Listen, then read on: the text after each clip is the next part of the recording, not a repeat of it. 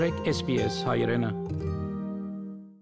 Ողջույն հարգելի ունկնդիրներ, անցաչափաթը Հայաստանում, Արցախում եւ Սփյուռքում սեպտեմբերի 21-ը Հայաստանի անկախության օրն է։ Սեպտեմբերի 21-ին տեղի ունենալու մասշտաբային եւ գունագեղ տոնակատարություն Գորիս Կապան ճանապարհին զինված ադրբեջանցի ոստիկանները Ղարաբաղից պատանիներին տեղափոխող ավտոբուսը կանգնեցրել են սպառնացել նրանց։ Ումնա Ղարաբաղը, ասեցի մերն է, ասեց ոչ մերն է, դե ասի ով որտեղ ապրում է իրանալի։ Այս եւ այլ նորությունների մասին առաջիկա րոպեներին։ Հայաստանը Հագայի արդարադատության միջազգային դատարանում գործ է հարուցել Ադրբեջանի դեմ ռասայական խտրականության բոլոր ձևերի բացառման միջազգային կոնվենցիայի խախտումների առնչությամբ։ Հայաստանը հայցում շեշտում է տասնամյակներ շարունակ Ադրբեջանը ռասայական խտրականության է ենթարկել հայերին եւ որ պետության կողմից հովանավորվող հայատյաց այս քաղաքականության հետևանքով հայերը ենթարկվել են սիստեմատիկ խտրականության, զանգվածային սպանությունների, խոշտանգումների եւ այլ նվազագույն նպաստացումների։ Հայաստանի ազգային անվտանգության ծառայությունը տեղեկացնում է, որ սեպտեմբերի 12-ին Գորիս Կապան միջպետական ճանապարհի Որոտան բնակավայրի մոտ Ադրբեջանի վերահսկողության տակ գտնվող հատվածում ադրբեջանական ոստիկանության կողմից իրականացվում է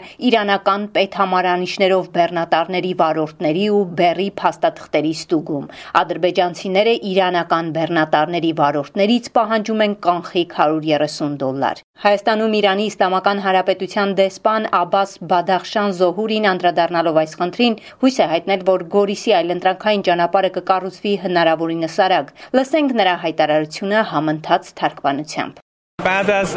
توافق سه جانبه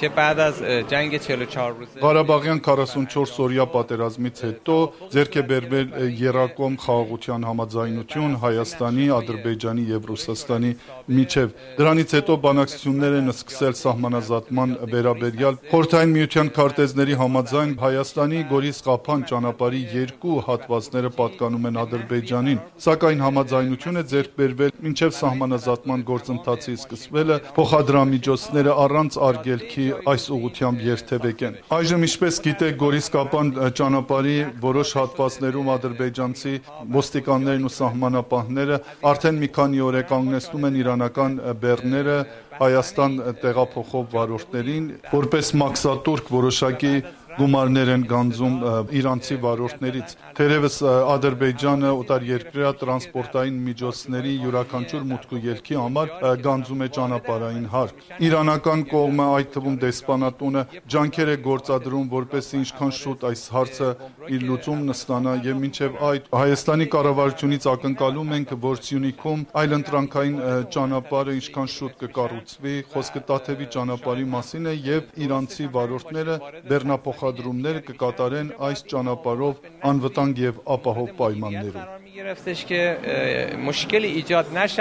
Թուրքիայի նախագահ Ռեջեփ Թայիպ Էրդողանը հայտարարել է, որ Հայաստանի վարչապետ Նիկոլ Փաշինյանը Վրաստանի վարչապետի միջոցով իրեն հանդիպելու առաջարկ է արել։ Հարցին թե Էրդողանը ինչ կարծիքի է, արդյոք Փաշինյանը կթույլատրի Ադրբեջանի եւ Նախիջևանի միջև միջանցքի բացումը, Էրդողանը տվել է հետեւյալ պատասխանը՝ մեջբերեմ, այս միջանցքը բացելու կամ չբացելու հարցը քաղաքական հարց է։ Հավանաբար մտորելու տեղիք է տալիս, որ Փաշինյանը մի կողմից սա է ասում, մյուս կողմից ցանկանում է հանդիպել ինձ հետ։ Եթե նա ցանկանում է հանդիպում ունենալ Թայիպ Էրդողանի հետ, ահա այստեղ կան արդեն հայտնի քայլեր, որոնք պետք է կատարվեն մեջբերման ավարտ։ Հայաստանի վարչապետի խոսնակ Մանե Գևորքյանը ուղիղ չի մեկնաբանում արդյոք Նիկոլ Փաշինյանը Վրաստանի վարչապետի միջոցով հանդիպման առաջարկ է արել Թուրքիայի նախագահին։ Գևորքյանը հայտնել է այս պահին Հայաստանի եւ Թուրքիայի պաշտոնյաների միջև որևէ շփում տեղի չի ունեցել։ Չնայած Հայաստանի կառավարությունը պատրաստ է նման շփումների, ասել է նա։ Էրդողանը իր ելույթում նաև Հայաստանով Նախիջևան միջանցքի մասին է խոսել, ինչը ըստ վարչապետ Փաշինյանի խոսնակի հակասում է տարածաշրջանում խաղաղություն եւ կայունություն հաստատելու թշնամանքի մտնոլորտը հաղթահարելու տրամաբանությանը։ Անցաչափած երկորի աշխատանքային այցով Հայաստանի վարչապետ Նիկոլ Փաշինյանը Տաջիկստանում էր մասնակցելու հավաքական անվտանգության պայմանագիր կազմակերպության եւ Շանհայի համագործակցության կազմակերպության համատեղ նիստերին։ Դուշանբեի նիստի շրջանակներում վարչապետ Փաշինյանը հանդիպել է նաեւ Իրանի նախագահ Էբրահիմ Ռայիսին։ Կառավարության որոշմամբ սեպտեմբերի 21-ին Հանրապետության հրապարակում տեղի է ունենալու մասշտաբային տոնակատարություն, այս մասին հայտարարել է վարչապետ Նիկոլ Փաշինյանը։ Այս տարի Հայաստանի Հանրապետության անկախության 30-ամյակն է եւ մեզ հայտնի հանգամանքների բերումով մեր տրամադրությունը տոնական համարել չի կարելի, բայց մենք որոշում ենք կայացրել, որ Հայաստանի Հանրապետության անկախության 30-րդ տարեդարձը պետք է պատշաճ ձևով նշվի եւ ուզում եմ ասել, որ սեպտեմբերի 21-ին Երևանի Հանրապետության հրապարակում տեղի ունենալու մասշտաբային եւ գունագեղ տոնակատարություն եւ այդ տոնակատարությունը իհարկե առաջին հերթին նվիրված է լինելու Հայաստանի անկախության անվտանգության, ինքնիշխանության եւ Արցախի համար իրենց կյանքը զոհած մեր նահատակների հիշատակին։ Որոշումը Հայաստանում միանշանակ չի ընդունվել, բողոքի ակցիաներ են իրականացվել։ Սեպտեմբերի 21-ը նշելիս հիշեք եղբայրս Բաքվում է եւ նման այլ պաստառներով։ Միամիս լա ավտոմատը գրուպը այդ երեխեն չիմանալով ոնց է պետք քանդել հավաքել, դա ուղարկել են առաջի գից։ Ունտեղ երեխեն մահացել Պատկերացեք, այդտենց բան է կատարվել։ Պարզա որ սաղ ծնողներն են այդ նույն վիճակի մեջն են։ Սաղ ծնողներն են իրանց երեխեքին են փնտրում, իսկ իրանք ստեղ այս կոնցերտ անելով ցույց են տալի, որ չեն հարգում մահացած երեխեքին։ Եթե այդտենց դուխով են, թող գնան, երաբլուրը այդ կոնցերտը անեն։ Սեպտեմբերի 21-ին Հայաստանի Հանրապետության անկախության տոնի առիթով Մայրաթոր Սուրբ Էջմիածնում եւ Թեմերի առաջնորդանիստ եկեղեցիներում կկատարվի հայրապետական մաղթանք։ Անկախության 30-ամյակի առիթով ազգային ժողովի падգամավորները ապարքեվավճարներ են ստացել։ Խորհրդանի խոսնակ Ալեն Սիմոնյանը ի պատասխան առաջ եկած աղմուկի ասել է՝ չի զղջում падգամավորներին ապարքեվատրելու իր որոշման համար։ Անդիմադիրները հայտարարում են գումարից չեն օգտվելու։ Երբ որ երկրում կան սոցիալական ծանր խնդիրներ, կան 10000-ից ավել վիավորներ, հաշվանդամներ եւ այս իրավիճակում շարունակում են